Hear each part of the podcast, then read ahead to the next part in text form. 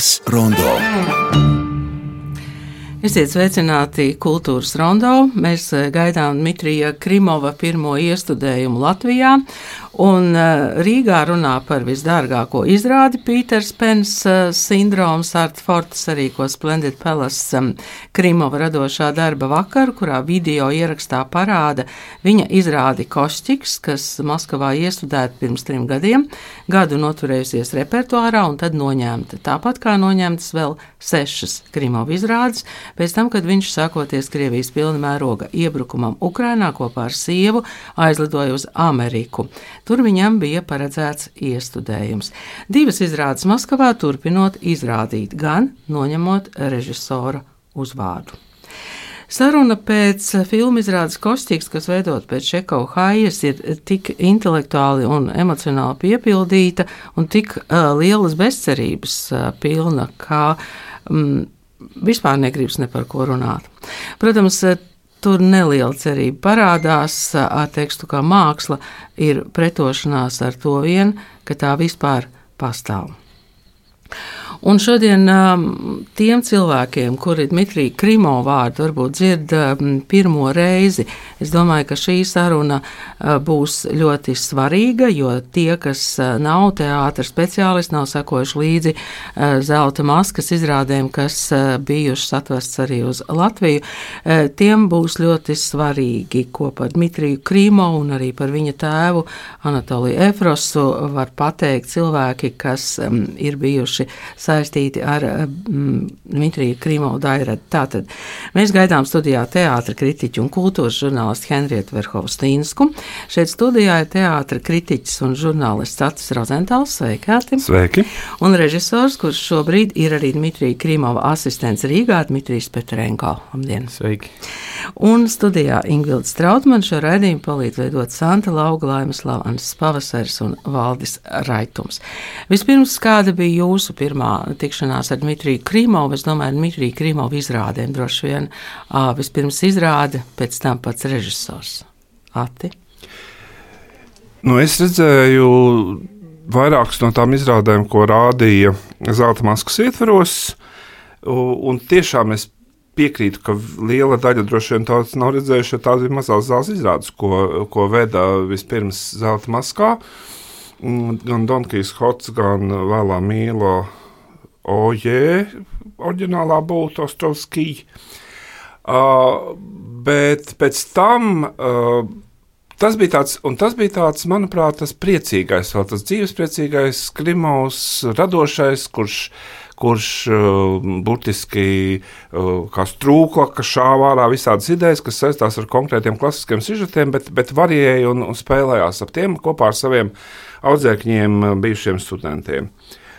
Un tad uh, ir otrais periods, kad ir uh, Covid laiks, un, un mēs esam piesta, piesādināti, kā teikt, visu teātris kritika pie datoriem un skatāmies zelta maskas izrādes, ko rāda uh, ierakstos, uh, un tad parādās uh, divas ļoti būtiskas izrādes. Visi tur, kur jā, visi šeit. Mm, kur ir runa par lielā mērā par Antoliju Efrosu, Dmitri Krimo tēvu, Un otra izrāda jau ar tādu stipru politisku ievirzi, izrāda Boris pēc Boris Godunova, kur jau parādās būtībā tāds ļoti atpazīstams Putina tēls. Nu, un tad uh, šis kostiks, kurš, um, kurš nu, jau iesita kā rāri papīri. Jo tur jau vairs nekāda ilūzija tiešām nav. Es neesmu redzējis, es, es zinu, ka Latvijā ir rādīts serioža, kur joprojām tiešām rāda Maskavā, kas ir pēc Annas Kareņģinas motīviem, bet tā kā caur dēla prizmu. Un, protams, ka klājpēdā būtu jāizbrauc beidzot un jānoskatās uh, izrāda fragmentus, ko tur rāda. Un uh, pēc Rīgas, cik es saprotu, tad Dmitrijs Klimovs brauks uz klājpēdu un taisīs tur otru izrādi. Tā kā varētu cerēt, ka viņi saliks tā, ka varēs aizbraukt uz abām. Jā, nu šobrīd ir eh, jācer uz Ņujorku, jācer uz Klaipēdu un jācer uz Rīgu tikšanās beigu daļā. Dmitrijs Krimovs arī pateica, ka viņš sāk mēģināt ar Čulpanu Hamātovu, tā kā jā, būs iespējas diezgan daudz ko redzēt. Dmitrij, kāda tev bija tā teātra pieredze ar Dmitriju Krimovu? Uh, es atceros, laikam, Covid laikā man atsūtīja kaut kādu slepeno linku, kur pašlaik notiek Otelo lasījums ar Krimovu, varēja tā paklusot tur ienākt, uh, paskatīties. Un, uh, tā bija tāda nepastarpināta jau kaut kāda pirmā satikšanās, un tur piedalījās latviešu aktieri un arī Māra Čimele. Un tas bija ļoti interesants, um, interes, tā bija interesanta pieredze. Un tad ļoti, ļoti daudz es skatījos viņa meistarklases YouTube, kur viņš strādā ar studentiem. Tas ir pārsvarā, nu, viņi, viņi analizē lūgas, studenti rāda kaut kādus fragmentus. Viņš stāsta, kāpēc tā var būt vai nevar būt. Un, Es atceros, ka vēl Māra ļoti visiem ieteica skatīties Krimova meistarklases. Tas patiešām ir ļoti, ļoti vērtīgi jebkuram, kas interesējas par teātru, ne tikai tiem, kas taisa teātri vai raksta par teātri. Man liekas, tas jebkuram cilvēkam būtu interesanti, lai saprastu vispār, nu, kas ir teātris mākslinieks vai režisors. Mums ir pievienojusies teātris kritiķa un kultūras žurnālists Henrieta Verhaustīns. Sveiki! Sveiki. Mēs te, te sākām runāt par to, ka faktiski ir jāpasaka, kas ir Dmitrijs Krimovs. Visiem arī tiem, kas nav redzējuši nevienu no viņa izrādēm, būs jāpasaka arī, kas ir Anatolijas Efros, lai mēs vienkārši nemētātos ar lieliem vārdiem. Kāda ir tā tava teātra kritiķes skatītājas pieredze ar Krimovu izrādēm? Nu jā, es pirms nācu uz šo raidījumu saskaidroju, cik Krimo, Krimovu izrādes esmu redzējis, un man sanāca desmit. Un, uh, jo es uh, savulaik rūpīgi braukāju uz Maskavu, uz Zelta maskas uh, festivālu, kur rādīja nominētās izrādes šai teātra balvai. Krievijas, un vienmēr bija nominēts arī Dmitrijs Krimovs. Uh, šīs programmas veidotāji vienmēr ir lepni, un viņi rādīja, protams, ka Krimovs nav atraujams no savām saknēm, no tā, ka viņa tēvs ir Anatolijas Efros, lielais krievu režisors, pie kur mācījās arī Māra Čimele. Tāpēc viņi noteikti arī izjūt radniecību ar šo, arī ar, ar dēlu, ar šo režisoru un māte viņam bija brīnišķīga tāda zinātniece Natālija Krimova, pie kuras mums ir bijušas arī vairākas lekcijas mums uh, Silvijas Radzobis kursam teātra kritiķu.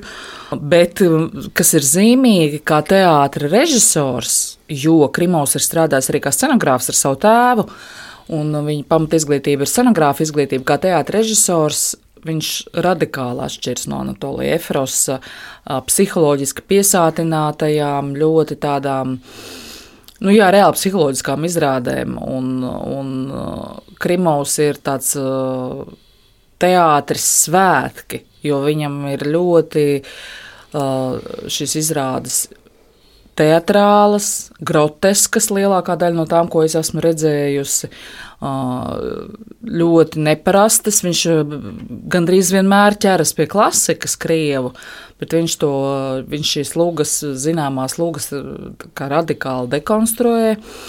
Un parasti pievēršas arī kādiem varoņiem, kas nav galvenie varoņi no tāda tradicionālā skatu punkta raugoties. Nu, piemēram, Kājā Kostiks. Jā. jā, vai Kājā Kostiks vai Anna Karēņina, Annas Karēņinas dēls Serjoža, ko gan atveidoja Lelle viņa izrādē. Un, un, Un man liekas, ka tas viņu raksturo šis veids, kā paskatīties uz zināmu materiālu. Tāpēc es ar nepacietību gaidu, kas būs noticis ar Pīteru Penu. Uh, no, no kaut kāda pilnīgi cita skata punkta, izvēloties kaut kādu perifēro varoni un, un, un tad spridzinot vienkārši teatrāli šo darbu. Pašlaik Dmitrijs Petrenko viltīgi smaida, jo esot asistents, viņš droši vien zina, kas tur notiek. Bet tieši par šīm klasiskajām lugām un to dekonstrukciju bija viens Ojā Rubeņa jautājums arī Dmitrija Krīmo radošā darba vakarā, kur Henrieta tūkoja Jā. latviešu valodu valodā, eh, bet eh, pašlaik mēs eh, varam paklausīties vienu nelielu fragmentu tieši par dekonstrukcijām. Ну, это вопрос почерка, я не знаю. Если человек спросить ему, почему вы так пишете, трудно ответить, потому что, ну, потому что я так пишу, я не знаю, потому что я так думаю. Domāju, ka tas ir rokraksta jautājums. Tev var pajautāt, kāpēc tu tā raksti, bet tu jau nevari atbildēt. Es tā vienkārši rakstu, es tā domāju. Ja izrunātos teksts Pat tad, ja tu neesi redzējis nevienu kājas iestudējumu, tie kaut kur galvā tomēr skan, jo tie ir tradīcijā, cilvēki un tā tālāk. Lai arī tas ir ļoti labs teksts, tas var netrāpīt. Tā loda var aizlidot garām. Es vienmēr domāju, kā to pateikt. Vienmēr eju pa šo visai slideno ceļu, kaut ko salauzt, lai atrastu jēgu, būtību. Šajā gadījumā Čeho un Kājas būtību. Šo jauno cilvēku bezcerīgo mēģinājumu dzīvot un justies kā cilvēkiem, to vajag kaut kā izcelt, salaužot. Man ir tāda līdzība ar vāzi, tāds tēls. Senu vāzu var saplēst un pēc tam salīmēt, un varbūt tu nemaz vairs neatrod visas lauskas, bet tev jāsalīmē ar kādu citu materiālu. Kad es kā skatītājs skatos, tad man ir jāredz tas vāzes skaistums, kaut gan ir pagājis laiks, un es saprotu, ka tā jau ir salīmēta ar kādu citu materiālu. Tas ir viss tāds pārdzīvojuma komplekss, skatoties uz šo saplēsto un salīmēto vāzi. Ну, как бы переживаний человека, который смотрит на эту сломанную уже вазу. Tā Dmitrijs eh, Krimovs gan par dekonstrukcijām, um, tradicionāliem, klasiskiem tekstiem, gan arī mm, par to līdzību ar vāzi. Pēc tā radošā darba vakar man šķiet, ka viņš ļoti precīzi un arī mm, nu, tādās metaforās spēja pateikt savu domu. Vai paskaidrot, eh, ko viņš grib darīt, Dmitrij, vai, vai tieši tā notiek arī, kad viņš strādā ar aktieriem? Um, jā, protams, uh, pat uh, pirmajos mēģinājumos gribējās vienkārši visu ierakstīt, ko viņš uh, saka, gan par šo izrādi, gan um, kaut kādas lietas, ko viņš skaidro aktierim, kas ir tēls, kas ir kustīgais tēls, kāpēc viņam tas ir svarīgi. Jo viņam, man liekas, ārkārtīgi liela nozīme ir tam, ka aktieri pat tiem, kuriem varbūt ir nu, gandrīz vai var teikt, ka gandrīz tur nav loma, jā, uh, ka viņam ļoti svarīgi, lai arī tie aktieri saprot, ko viņš te dara, kāpēc, ir, kāpēc ir svarīgi tieši divus soļus pa labi. Un viņš ļoti bieži atkārto mēģinājumos, ka, piedodiet, šī, es nesmu kaprīzs tajā, ko es tagad prasu. Vienkārši tā būs labāk, tāpēc kā, un viņš skaidro vienmēr. Un, tā ir gan liela pacietība, gan, protams, nu, tāds. Milzīgs konteksts tam visam. Viņš arī pirmajos mēģinājumos daudz stāstīja par to, kāpēc šī izrāde, kāpēc Latvijā, kāpēc tad, kad notiek karš Ukrainā. Un, uh, Tas viņam bija, nu, tas nebija vienkārši tāds tukšs gājiens, lai parunātu. Tas viņam bija tiešām ļoti svarīgi, lai visi ir uz vienas lapas, lai visi saprotu, ko mēs te darām, kas ir Pīters Pence, kas tā ir par lūgu, kas tas par varoni, ko viņš te dara un ko dara Krimovs šeit. Un tas, protams, bija nu, ārkārtīgi interesanti Jā, nu, e, es domāju, ka mm, par Pīteru Pēnu mēs varam šeit e, tikai piebilst, ka tā nebūs bērnu izrāde. Tu man piekrīti. Nu, Ziniet, kā jā, droši, e, droši vien tā nav tāda klasiskā izrāde bērniem, bet ir jāsaprot, ka viss, ko dara Pīters Pēns šajā izrādē, ir mazai meitenītei, kur ir seši gadi. Uh, Tā kā, principā, tas brīnums, ko viņš rāda uz skatuves, ir domāts viņai, un tā meitene iet cauri kopā ar Piteru Penu visai izrādēji. Uh, un tas bērns ir uz skatuves, tas ir tiešām nevis aktieris, bet reāls bērns, uh, foršas meitenes. Mums ir trīs sastāvi, tiešām aktrises gatavas. Katru reizi viņas ir tādu interesi uz to skatās, ka liekas, es, es jau kā režisors domāju, kad tai meitenei apniks, un viņa pateiks, ka viņa negrib kaut ko darīt. Bet viņa katru reizi saka, jā, es gribu, parādi man vēl kaut ko. Tā kā grūti pateikt. Ne, protams, ka visticamāk šī izrāde ir pieaugušiem cilvēkiem un tiem, kam interesē teātris un interesē droši vien arī Krimova personība, bet uh, es nebūtu tik uh, teiksim, tādā panikā, ka, ja kāds atnāks ar bērnu, iespējams, ka arī bērnam būs, būs interesanti. Nu, viņš pats teica, ka viņš tomēr domā, ka tā nav izrāda bērniem. Es ar viņu, man bija ar viņu intervija, un, un viņš teica, ka bērns uztvērs tikai to sižetu līmeni, līniju, un, un ka viņam varētu nebūt interesanti, jo tas katrā ziņā nebūs, nebūs gluži par lidināšanos kopā ar laumiņām. Uh, bet, uh, bet, bet uh, visticamāk, ka tomēr būtu jāorientējas uz to, ka visai ģimenei, kā Rubens tur biedējoši teica, ka viņam pazīstami cilvēki lokā ir nopirkuši biļetes visai ģimenei, sākot ar divu gadu vecumu. Tā gluži nevajadzētu tomēr darīt. Bet, bet es domāju, ka Krimovs izrādās jau tā fantāzija vienmēr tāda, ka kaut kādu daļu, jo tas bērns, ja viņš būs paņemts līdzi, noteikti arī sev, sev varēs paņemt. Bet vienkārši to nevajadzētu pārvērst par tādu izrādu, uz kuru nāk bērnu grupas. To gan nevajadzētu darīt. Jā, jā droši vien, ka tā ir kopā ar pieaugušajiem, ar savu ģimeni. Uh, noteikti, jā, un Ats ļoti, man liekas, pareizi pateica par to, ka uh, tie brīnumi kaut kādi vizuāli, protams, ka viņi var arī pārsteigt, viņi noteikti arī pārsteigs bērnus, bērnus bet jāsaprot, ka izrādes tēma, protams, ir pusmūža vīrietis mākslinieks, kurš ir noguris no tā, ko viņš dara. Un diez vai sešgadīgam bērnam šī tēma būs svarīga vai, vai interesanta.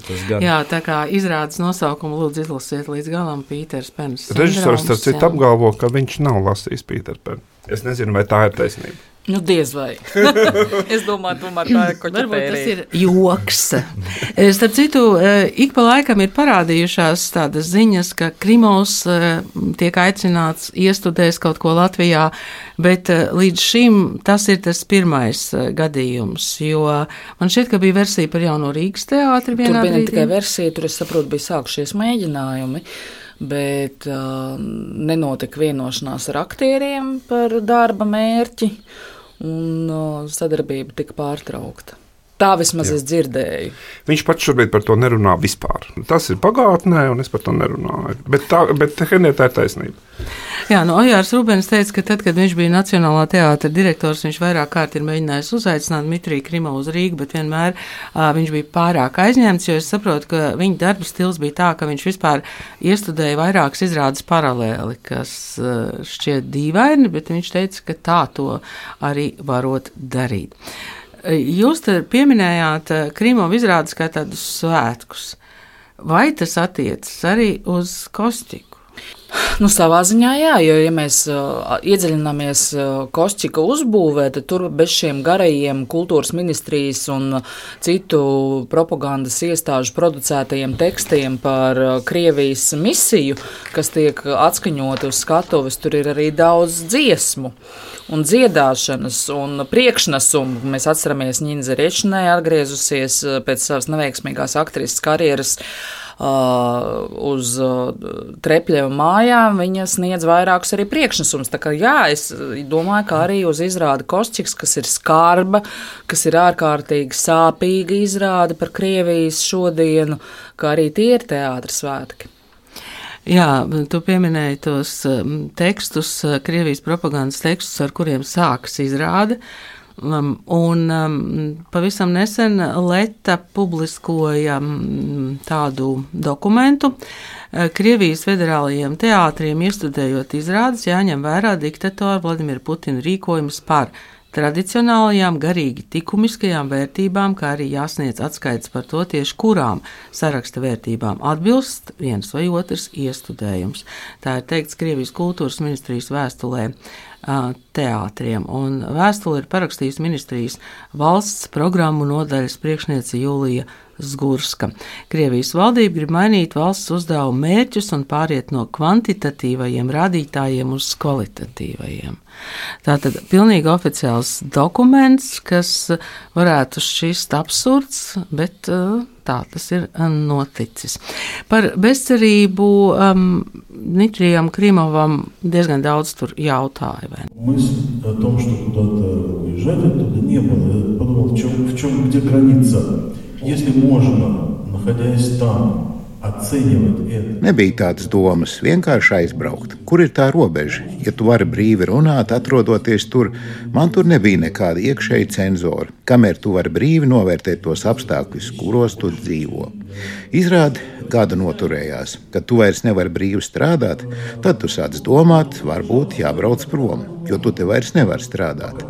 Iespēja strādāt, tas ir galvenais. Lai es kaut kur brauktu, strādāt ar cilvēkiem, kuri ir brīvi. Ja tu zini, ka ir visādi aizliegumi pie tam par noteiktiem parametriem, kā tu vari strādāt, kā tu vari dziedāt un dejot, runāt. Par ko galvenais? Ja par to nedrīkst, tad viss zaudē jēgu.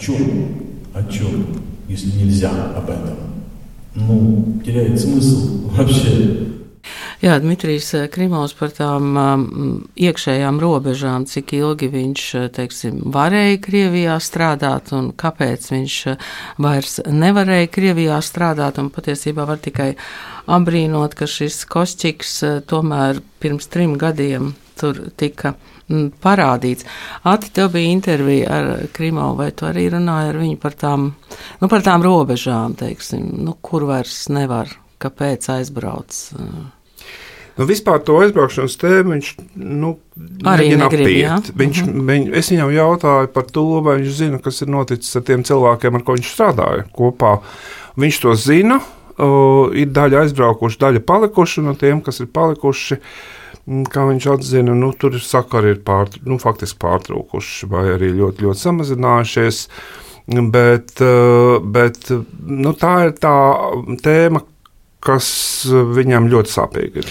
Bet viņš eh, YouTube bija ielicis uh, tādu uzrunu, video uzrunu drīz pēc kara sākšanās, pēc šī pēdējā, pēc šīs Krievijas ofensīvas Ukrainā, kurā viņš stāstīja to, ko viņš arī pieminēja par tām savām čīviņām, kas viņam palikušas, respektīvi, ka viņš ir pilnībā atstājis šo dzīvokli tādu, it kā aizbraucot uz nelielu laiku uz Ameriku, un tas viņa lielākais pārdzīvojums bija par to, kas notiks ar viņu studentiem. Tad viņš teica, ka viņš mēģinās strādāt ar viņiem attālināti, cik ilgi tas būs iespējams, bet ka par to viņam bija tā lielākā sāpe par tiem viņa studentiem, par tiem jaunajiem cilvēkiem, kuri paliek šajā Krievijas bezcerībā.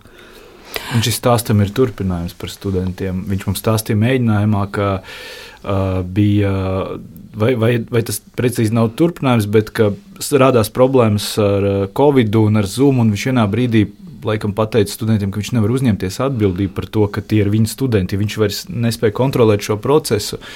Un laikam kaut kādā veidā bija pateicis viņam, ka nu, viņš nevar būt meistars viņam. Un tad viņš bija Grūzijā uh, un sēdēja un svinēja kaut ko restorānā, cik es saprotu, un atvērās durvis un ienāca visi tie studenti. Vienkārši viņi atbrauca pie viņa. Un viņš stāstīja par to šausmīgi aizkustinoši, ka viņš katru apskāva un ar katru parunājās. Viņš saprata, nu, ka tie ir viņa studenti, ka viņam tiešām ir ar viņiem kopīgs ceļš. Nu, tas man liekas, daudz ko pasaka arī par viņu pašu. Nu, Vispār jau par Krimu runājot, ir, ir jāņem vērā tas, ka viņš ir ārkārtīgi emocionāla personība. Uh, viņš varbūt ikdienā, kad viņa runā, nav tāda, tāda nu, cilvēks svētka tādā nozīmē, ka nu, no viņa birtu kaut kādas nemitīgas, kaut kādas atziņas vai asprātības vai kā, bet tā ārkārtīgi smalkā inteliģence un tas ārkārtīgais jūtīgums, jo Jo mēs arī ar viņu mm, drusku runājām par šīm publikas attiecībām ar tā, to klasikas dekonstrukciju. Es jūtu, ka viņš kā tajā brīdī pēkšņi parādījās kaut kāds drusku metāls balsī, ka viņš varbūt ka tiešām arī ir no vienas daļas skatītājiem šo attieksmi sajūtas, jo, jo viņš sāk stāstīt par to, ka viņš jau neiet jūsu mājās un neņem jūsu grāmatu un negriež uz čērē, viņš sagriež savu grāmatu. Ja? Un varēja just, ka viņš par šo tēmu drusku uh, nu, pārdzīvo mazliet, tāpēc, ka no vienas puses viņš ir pārliecināts par to, ko viņš dara, bet to, ka ne visiem tas patīk, to viņš atzina. Jā, ka viņš ir lasījis, uh, viņš ir lasījis atsauksmes, un sākumā ir labi, labi, labi, labi jo teātris ir sastruktūrējis ar gudru ziņu, tā ka labās atsauksmes ir sākumā, un pēc tam aiziet šausmīgi, šausmīgi, šausmīgi, šausmīgi. Viņš saprot, ka ir diezgan daudz, kuriem arī šī pieeja tomēr nepatīk. Uh, kas arī ir normāli, bet, bet, uh, bet tas interesanti ir tas arī, ka Nu, mums reizēm pārmet, ka, kad mūsu režisori pieķers klasikai un to uh, dekonstruēt. Es saku, kāpēc tad jūs ne, nerakstāt savu? Būtībā jau Klimāns raksta savu, un viņš arī nevienai no šīm uh, izrādēm neliek oriģinālo nosaukumu. Viņam ir Kostiks, nevis Kāja, viņam ir Serjoža, nevis Anna Karēņina. Tātad to. Viņam ir oi vēlāmī. Jā, jā, jā. jā. Tā kā un, un Donkijs Hots. Tā kā tā dekonstrukcija jau parādās arī caur to nosaukumu. Tam cilvēkam uzreiz tiek dots signāls, ka te būs kaut kas, skatītājiem tiek dots signāls, ka te kaut kas būs dekonstruēts. Un arī šī gadījumā mums ir Pīters Pence sindroms. Un sindroms jau nozīmē to, ka, nu, kā viņš pats man teica, ka nu, tā ir kaut kāda slimība. Bet man īstenībā jautājums dzimam drīkst. Jo eh, Krimovam ļoti raksturīga ir atsaukšanās uz eh, to mūsdienu kontekstu. Respektīvi, Krievijā viņš visā savā izrādēs iekodē šīs attiecības gan ar vāru, ā, gan ar kaut kādu mākslas mainstreamu. Un Pīterā penā, ko viņš iestudē Latvijā, būs kaut kāda sasauce ar Latvijas realitāti vai kaut ko tādu. Um, es domāju, ka tieši konkrēti ar Latvijas realitāti varbūt nē. Es domāju, ka šis, šī izrāde ir ļoti, ļoti viņam personiski. Tas ir tiešām par, liekas, vairāk par personību. Tur ir atsauces, protams, uz pasaules kultūru, un mēs daudz runājam ar viņu, kas ir baroks viņa izpratnē šodien. Un, protams, ka tur skan ļoti atpazīstami kodi, kaut kādi gan muzikālie, gan vizuāli. Bet, uh, Man liekas, ka šis ir nu, viņam tik ļoti personisks darbs, ka viņš par to stāstīja pašā sākumā, par to ieceru. Nu, varēja redzēt, cik ļoti viņu pašu tas satrauc un saviļņo, pilnīgi līdz asarām. Un, uh, es domāju, ka šis būs tāds atšķirīgs darbs. Es tur nesaskatu kaut kādu arī piemēram, politiku. Vai, protams, ka konteksts vienmēr ir, jā, un, un par to viņš arī stāstīja. Bet um, es kaut kā vairāk skatos uz šo, uz Pīteru Pēnu, kā uz viņa paša portretu. Dmitrijs Petrenko, Ats Rozentāls un Henrieta Verhaustīns, ka mēs šodien kultūras rondo studijā runājam par režisoru Dmitriju Krimovu. Viņš ir ne tikai režisors, mēs jau te pieminējām arī scenogrāfs, arī pedagogs, viņam ir arī teksti, un viņš ir strādājis arī kino. Vai jūs tagad varat piekrist, ja par Krimovu saka Krievu režisors trimdā? Protams. Protams.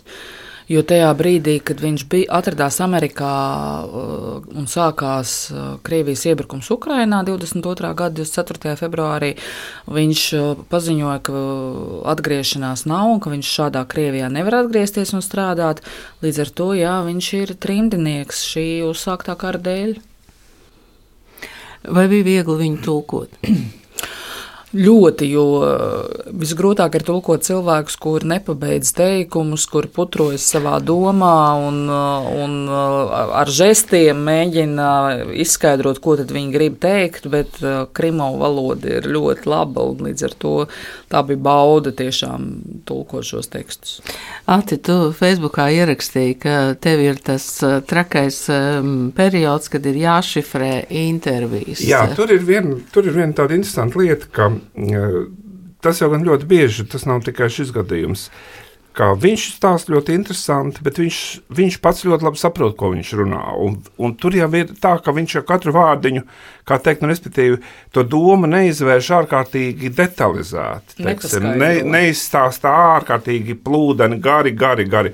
Un es kā klausītājs es arī saprotu tajā brīdī, ko viņš runā, un es viņam nepārjautāju. Tā ir mana kļūda tajā brīdī.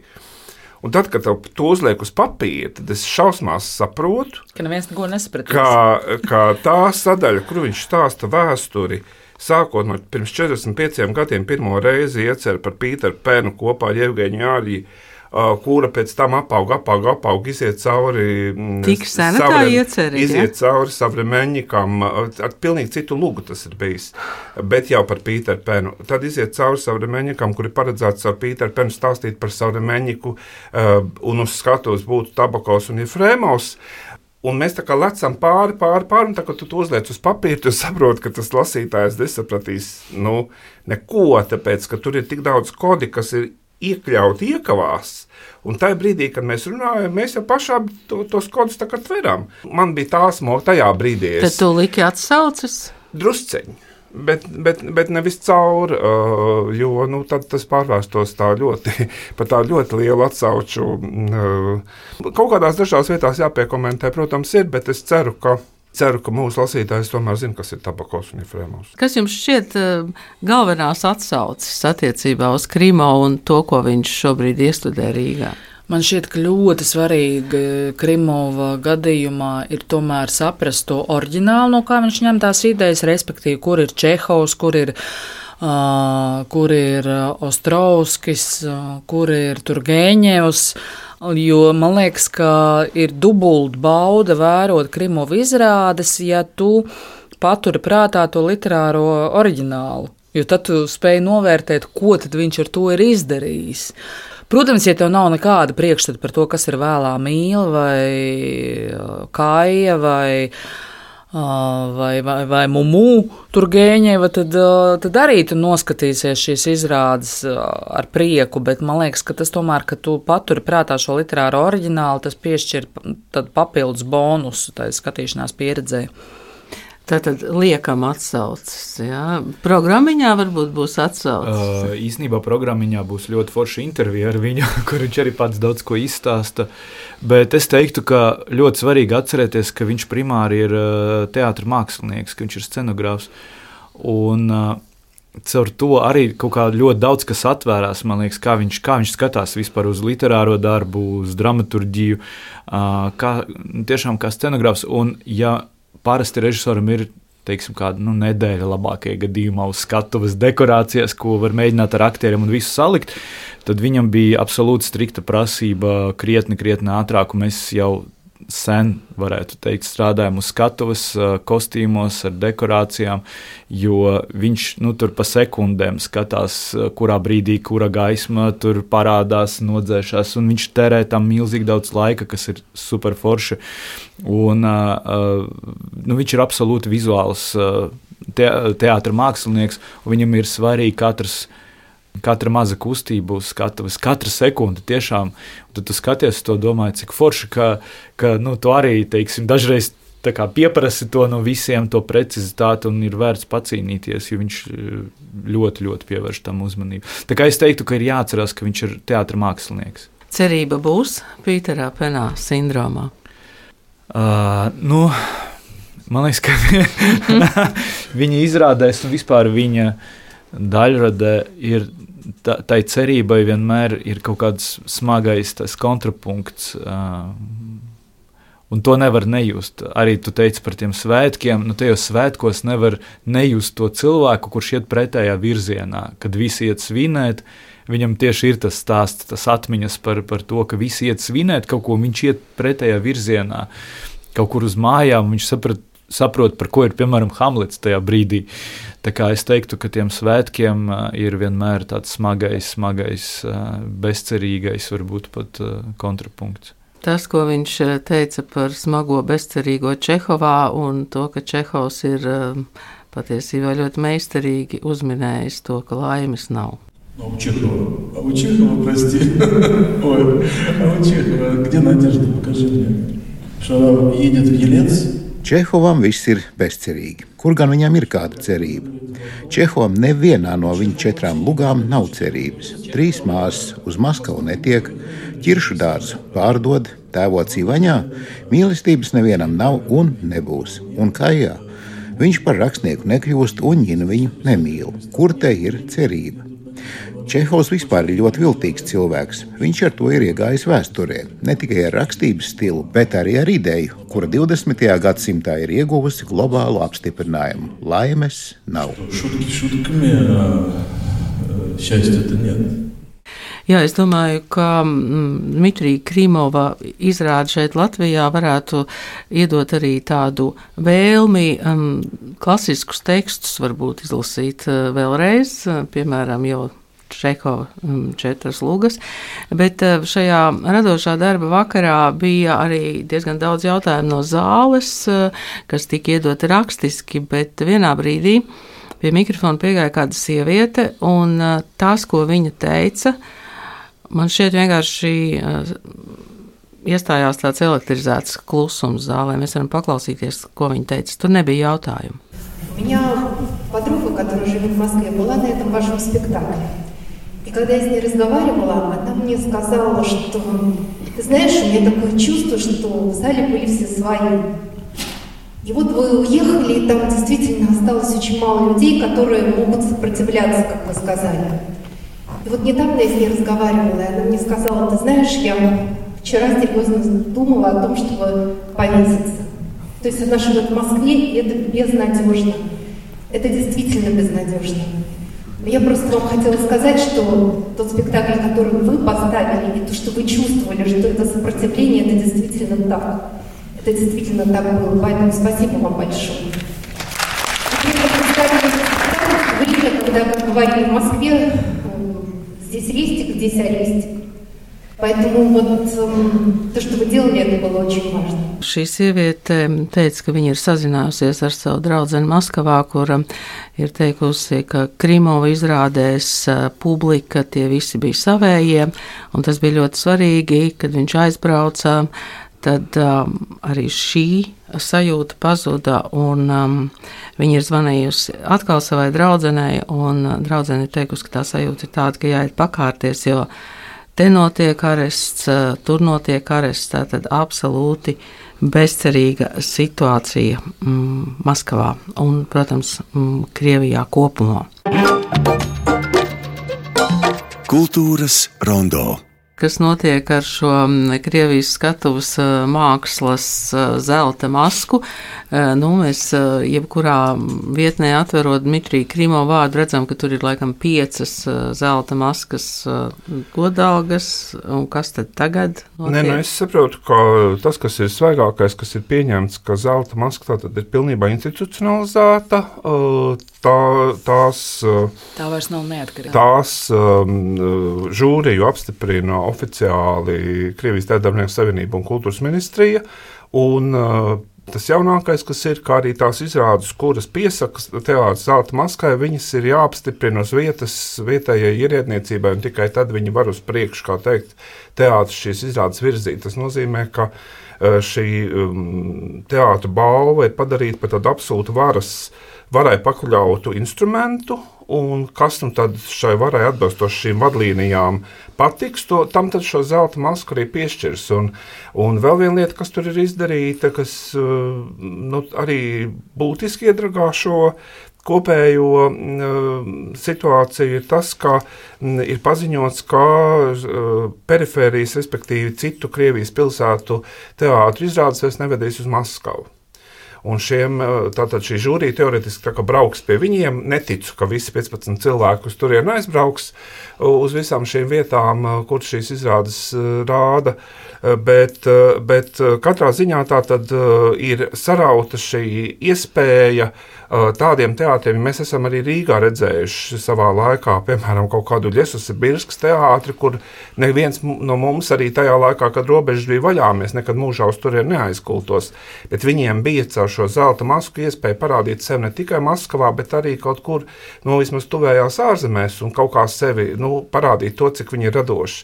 Tad šobrīd es domāju, ka tur visi ventiļi šī ziņā ir aiztaisīti ciet, un, un tas ir palicis par tādu uh, čaulu Uh, kur turpina saukties zelta maska, bet tam vairs nav nekāda sakara ar veco zelta masku. Un, cik es saprotu, tā bijusī komanda, kas viss ir atklājusi, šobrīd uh, taisa kaut kādus citus projektus, jo, jo viņiem ar šo vairs nav, nav nekāda sakara.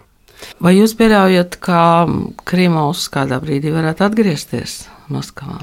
Nu, viņš jau arī tajā radošās tikšanās laikā noformulēja, kas ir tas, uh, ap, tie apstākļi, pie kuriem viņš būtu gatavs atgriezties, ka tā ir brīvība. Tad, protams, ka es domāju, ka viņš arī apzinās, ka šī brīvība nav iespējama, kamēr Ukrainā notiek karš, kamēr pie varas ir Putins.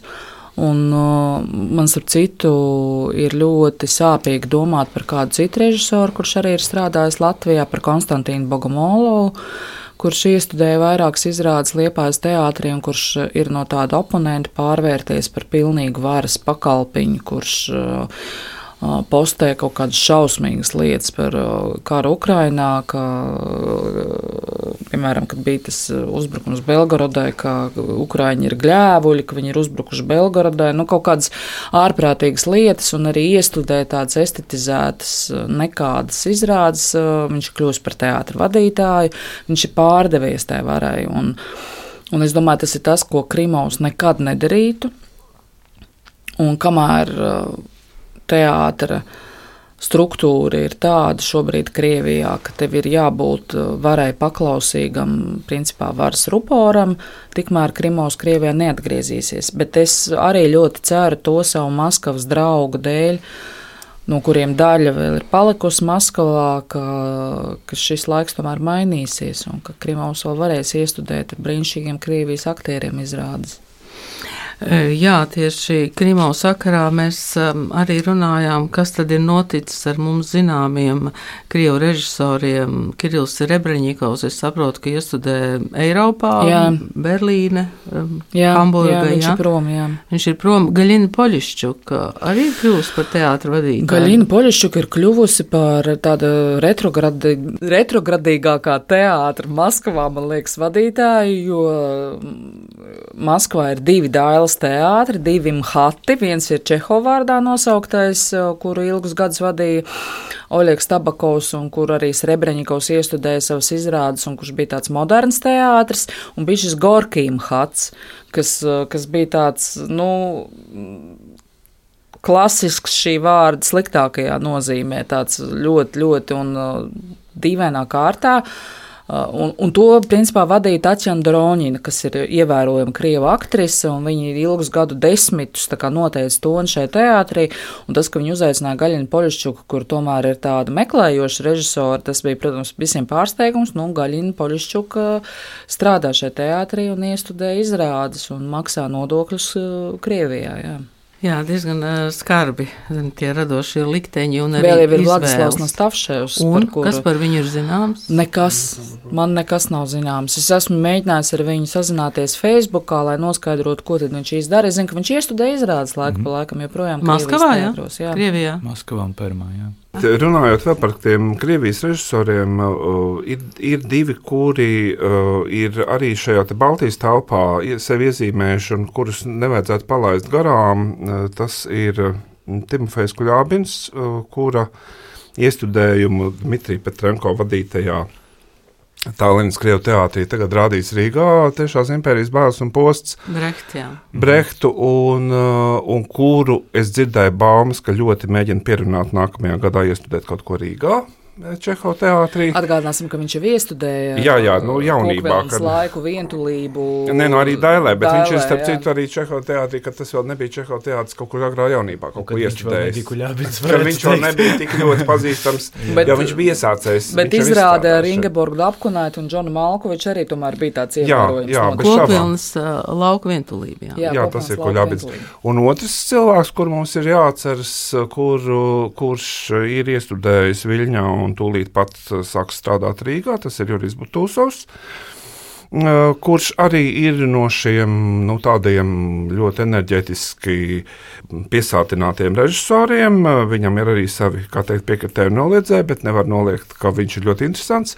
Viļņā viņš ir iestudējis Stopārda, Rozenkrants un Gildersens ir miruši.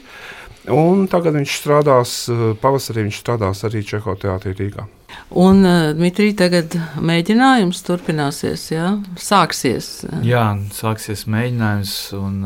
Pagājušajā mēģinājumā daudz tika strādāts ar pirotehniku. Tā kā redzēsim, kas būs šodien.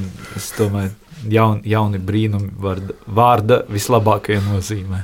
Jautājums par to, mm, kā šajā laikā vispār nodarboties ar mākslu un kāda tam ir jēga. Vai, vai jūs arī iestudējat Pīteru Penu par to runājat, par mākslas jēgu?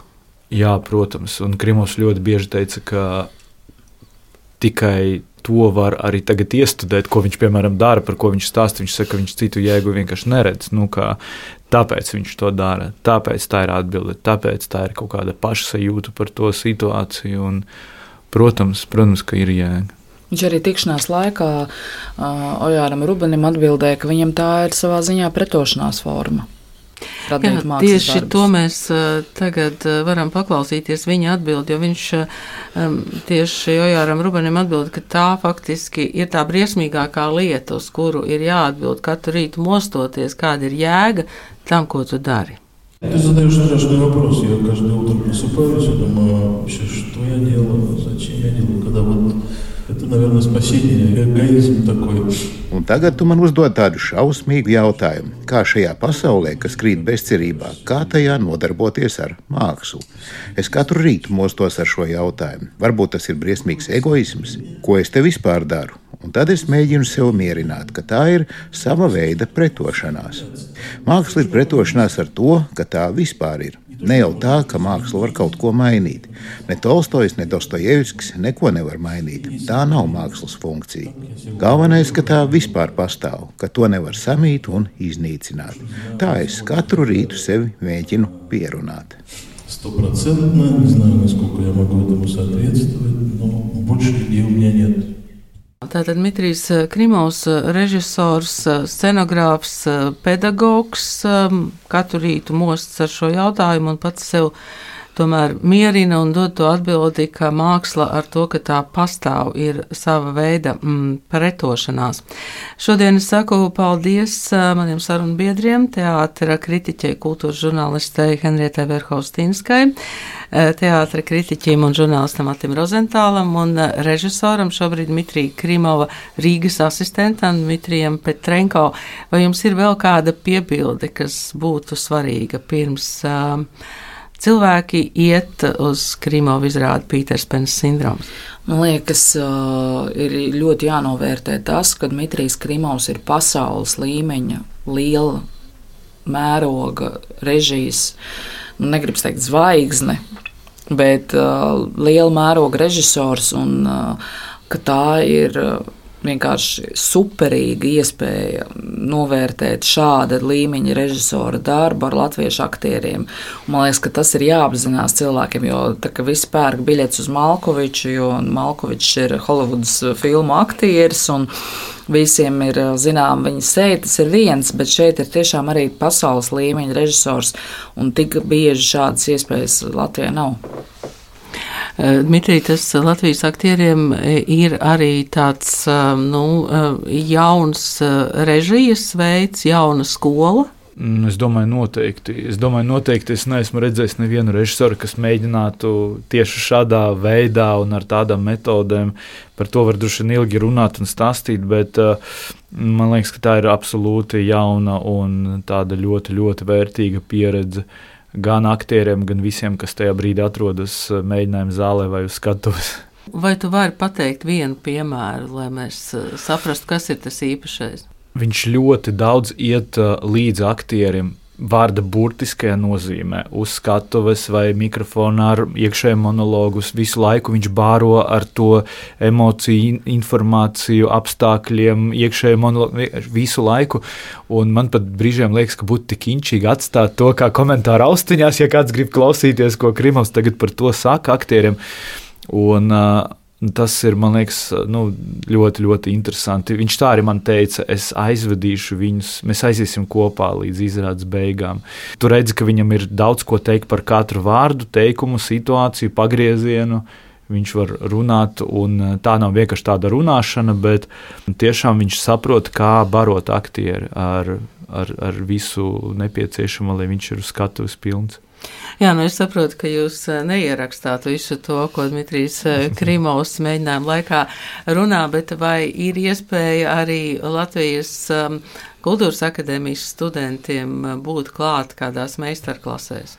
Es zinu, ka būs mēģinājums studentiem atsevišķi, bet, bet tā es esmu ievērojis, ka nāk mēģ, uz mēģinājumiem arī skatīties kolēģi. Gan tie, kas strādā Nacionālajā teātrī, viņiem ir brīva, brīva diena, viņi atnāk pasēdēt, paskatīties. Esmu redzējis arī dažus režisorus, kas nākuši vienkārši paskatīties, jo tas ir nu, interesanti. Tā, tā mēs neviens nestrādājam. Bet es komatis vēl ļoti īsi gribu pateikt vienu lietu par Krimovu, kad es viņam prasīju, kāda ir viņa darba metode un, un, un kas ir galvenais, kā viņš strādā ar aktieriem. Viņš atbildēja, ka viņam galvenais ir azarts. Lai aktieris būtu azartisks, un man liekas, ka arī skatītājiem ir jābūt azartiskam, neraugoties uz to, vai ir skumja izrāda vai nē. Jo es arī viņam prasīju, nu kā, nu tik drūmā materiālā, kāds, piemēram, bija Kostīgs, nu, ja viņš saka, ka galvenais ir ķert kaifu mēģinājuma procesā, vai var noķert kaifu, drū, iestudēt kaut ko drūmu, viņš teica, protams, ka var. Tā kā jebkur var atrast, kā teikt, jebkurā peļķē var atrast saules staru. Jā, nu, es ieteiktu izlasīt Dārta Rozentāla interviju ar režisoru Dmitriju Krimovu kultūras dienā. Protams, mēs gaidām pirmizrādi izrādē Pīters Pens sindroms Nacionālajā teātrī. Paldies jums šodien par mm, sarunu. Henrieta Verhostīns, Kats Rozentāls un Dmitrijs Petrenko bija šeit studijā.